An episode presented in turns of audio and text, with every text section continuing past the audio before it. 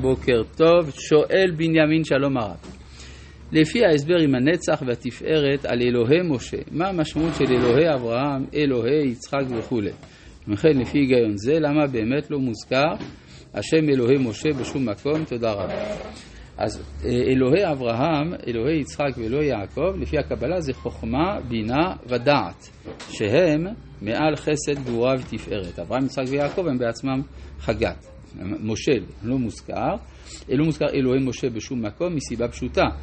כי זה היה אומר שיש ערך למשה מצד עצמו, כשכל הערך שלו הוא רק מצד כלל ישראל. רק פה, בהקשר של ההווה אמינא, שמשה יהיה במקום ישראל, אז הוזכר השם אלוהיו.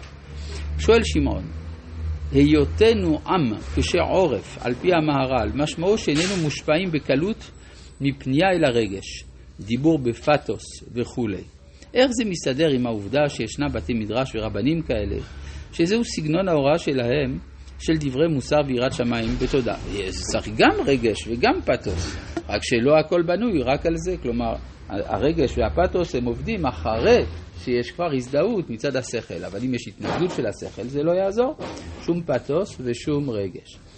ובכן אנחנו uh, ממשיכים בפרק ל"ב בפרשת כי תישא. והגענו לפסוק י"א: ויחל משה את פני השם אלוהיו, ויאמר למה השם יחרה אפך בעמך אשר הוצאת מארץ מצרים בכוח גדול וביד חזקה. צריך לשים לב שהקדוש ברוך הוא אמר למשה עמך אשר העלית מארץ מצרים, ואילו משה אומר לקדוש ברוך הוא עמך אשר הוצאת מארץ מצרים. ברור שזה לא אותו הדבר, כי העם שמשה העלה מארץ מצרים זה הערב רב. כן? זה הטענה. אבל כשמשה אומר עמך, הוא מתכוון לבני ישראל, כי הקדוש ברוך הוא אינו אומר על הערב רב שהם עמו. ובעצם מה שמשה אומר לקדוש ברוך הוא, אם אתה פוגע בערב רב, אתה פוגע גם בעם ישראל. מדוע? משום שיציאת מצרים הייתה גם כדי להוציא את מצרים.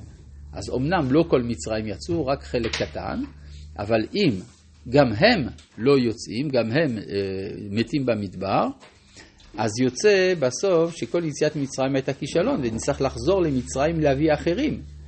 זה בדיוק מה שהוא אומר כאן. למה יאמרו מצרים לאמור ברע הוציאם להרוג אותם בהרים ולכלותם מעל פני האדמה? שוב מחרון אפיך וינחם על הרעה לעמך. כלומר, אתה עושה רע לעמך אם אתה משמיד אותם. כן, הרב קוק מעיר על כך שמשה רבנו מסר את נפשו כדי להציל את הערב רב. שזה דבר מדהים, כי הרי ייתכן מאוד שבני אברהם, יצחק ויעקב, די ברור שאי אפשר באמת להפר את הברית איתם. אבל מה שהזעם מופנה כלפי הערב רב. משה אומר, אם אתה עושה את זה, מה יהיה אם מה יאמרו מצרים. עכשיו, פה יש עוד דבר שעולה מהכתוב, דבר די חשוב, והוא שהדבר שמשכנע את הקדוש ברוך הוא כל פעם שיש זעם האל נגד האומה, מה שמשכנע זה מה יאמרו הגויים. כן, תמיד הטענה שלא צריך לחשוב מה יאמרו הגויים, צריך להבין שהדבר הזה יש לו כמה צדדים. זה נכון שעם ישראל צריך לפעול את מה שהוא צריך לפעול, בלי התחשבות בדעתם של הגויים. מצד שני, המטרה של כל התורה כולה זה קידוש השם לעיני כל אפסי ארץ. כן, כמו שכתוב בספר יחזקאל, שהקדוש ברוך הוא מגואל אותנו כדי לקדש את שמו לעיני האומות. אז גם פה יש אה, צד כפול. לכן אפשר לומר, הדבר היחיד שתמיד אה, הקלף המנצח כשאין קלף אחר, זה מה יאמרו הגויים. למה יאמרו מצרים? כאילו מה אכפת לנו מה אומרים מצרים? אז כנראה שזה כן חשוב. י"ג זכור לאברהם, ליצחק ולישראל עבדיך. כלומר, בעצם מה אומר משה כאן? אתה רוצה לעשות אותי לגוי גדול. מצד האמת, כל המעלה שלי זה מצד שאני גם כן בכלל זרע אברהם, יצחק וישראל. אם אתה אה, רוצה לשים אותי במקום העם, אז אתה שכחת כביכול את אברהם, יצחק וישראל. לכן אומר, זכור לאברהם, יצחק ולישראל, עבדיך. חז"ל אומרים על הפסוק הזה, שמשה אמר, כיסא שאינו יכול לעמוד על שלושה רגליים, איך יעמוד על רגל אחת? אשר נשבעת להם בך, ותדבר עליהם הרבה את זרעכם ככוכבי השמיים וכל הארץ הזאת. אשר אמרתי אתן לזרעכם ונחלו לעולם. אז מה, מה עם הברית על ארץ ישראל? כל זה הלך לאיבוד? וינחם השם על הרעה אשר דיבר לעשות לעמו. כלומר, אם הוא היה מכלה את זעמו בעם אשר משה אל ארץ מצרים, זאת הייתה רעה שהיה עושה גם לעמו.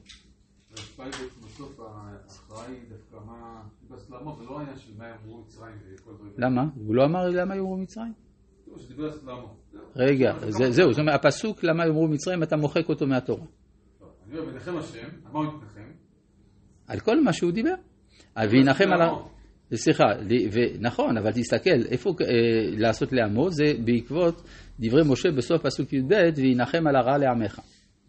וינחם על הרע לעמך, דווקא מוזכר בהקשר של למה יאמרו מצרים. מה שאין כן, זכור לאברהם יצחק ולישראל, על זה לא נאמר שהוא עושה רע לעמו. מדוע? כי זה מובן מאליו. החידוש היה דווקא פסוק י"ד, שהוא מתייחס לפסוק י"ב ולא לפסוק י"ג. פסוק ט"ו: ויפן, וירד משה מן ההר, ושני לוחות העדות בידו, לוחות כתובים משני עבריהם. מזה ומזה הם כתובים. אה, מה זאת אומרת שהלוחות כתובים משני עבריהם? אז חז"ל אמרו שהאותיות היו חודרות מעבר לעבר. כן? כלומר, האות א' הייתה נראית משני הצדדים, רק שמהצד השני הייתה נראית הפוך. כן, זאת אומרת שיש לתורה שני אופני קריאה. יש קריאה ישרה ויש קריאה הפוכה. ויש מה ללמוד מן הגלוי ויש מה ללמוד מן ה... לכאורה הפוך. מן הצד ההפוך גם יש מה ללמוד.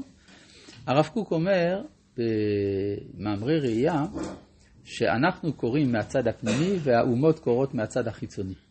כן? כלומר, הם קוראים בתורה אבל מהצד ההפוך. וגם זה חלק מכוונת התורה. זה אותו דבר, מה? כן, אבל אתה רואה את האות הפוכה. לא? לא, אם אתה... אה, הצד ההפוך. אתה רואה את האלף, אתה רואה את ההפוך. מה הסברה? מה, זאת אומרת שיש לתורה כמה כוונות. יש, זה כמו שנגיד, אדם שמדבר עם חברו. אז הוא מתכוון למה שאומר לחברו, אבל הוא גם יודע שיש מישהו ששומע מהצד. אז חלק מהשיח מופנה גם לשומע מהצד, אבל בכוונה אחרת. כן, כאילו, כן, כן, משהו כזה. השייכות של הגויים לתורה. יש במרם אלשיך שואל, כתוב שבמתן תורה כל דיבור נחלק ל-70 לשון. בשביל מי? אז זו, הרי בשביל האומות, האומות לא קיבלו את התורה. אלא הוא אומר, מהר"ם אלשיך, בשביל השרים של האומות. שואל מהר"ם אלשיך, נו, ואז מה הרווחנו מזה שהשרים של האומות אה, שמעו את דבר השם? הוא אומר, כי אז הגויים שמעו את ההד. וההד שייך להם. גם כן. יש שייכות אה, אוניברסלית גם כן מצד ההד. אז זה מה שאומר, מזה ומזה הם כתובים. יש השאלה בכלל איזה צורה יש ללוחות. אה, רגילים לצייר את הלוחות כמו שני לוחות, אבל ייתכן מאוד גם שזה הגלילים. כן, כתוב ידיו גלילי זהב, אלו עשרת הדיברות. כן, אז, אה, ואז זה מסביר את המסורת שיש באומה, מסורת מוזרה, שתמיד כשמציירים את הלוחות, מציירים אותם עם שני עיגולים למעלה. כן? עגול, אז אין, אין רמז בתורה לזה שצריך לצייר קשתות כאלה מעל הלוחות, עד כדי כך שיש כאלה גם שהתנגדו, אמרו שזה השפעה נוצרית וכדומה. אבל אם אנחנו מניחים שהלוחות היו בצורת גליל, אז ייתכן שזה בעצם בא לרמוז לדבר הזה, כשמציירים את, ה, את הלוחות עם אה, קשת מלמעלה, מהצד זה נראה כמו משהו אה, שקשתי כזה, אם זה גליל. טוב, מי יודע. כן. כשאתה, כשאתה מצלם... כאילו? מה? אבנים מגול... לא, אבנים אה, עגולות. אז מה זה משנה אם זה ישר או אם זה עגול. זה יח... אבן זה אבן. כן. ברור. אה, מה? או שאדרבה, כן? אה, כיוון שזה עגול, אז אפשר שיהיה משני אבריהם. כי זה כאילו הכתב מסתובב. והלוחות מעשה אלוהים המה. והמכתב, מכתב אלוהים הוא חרוט על הלוחות. רבי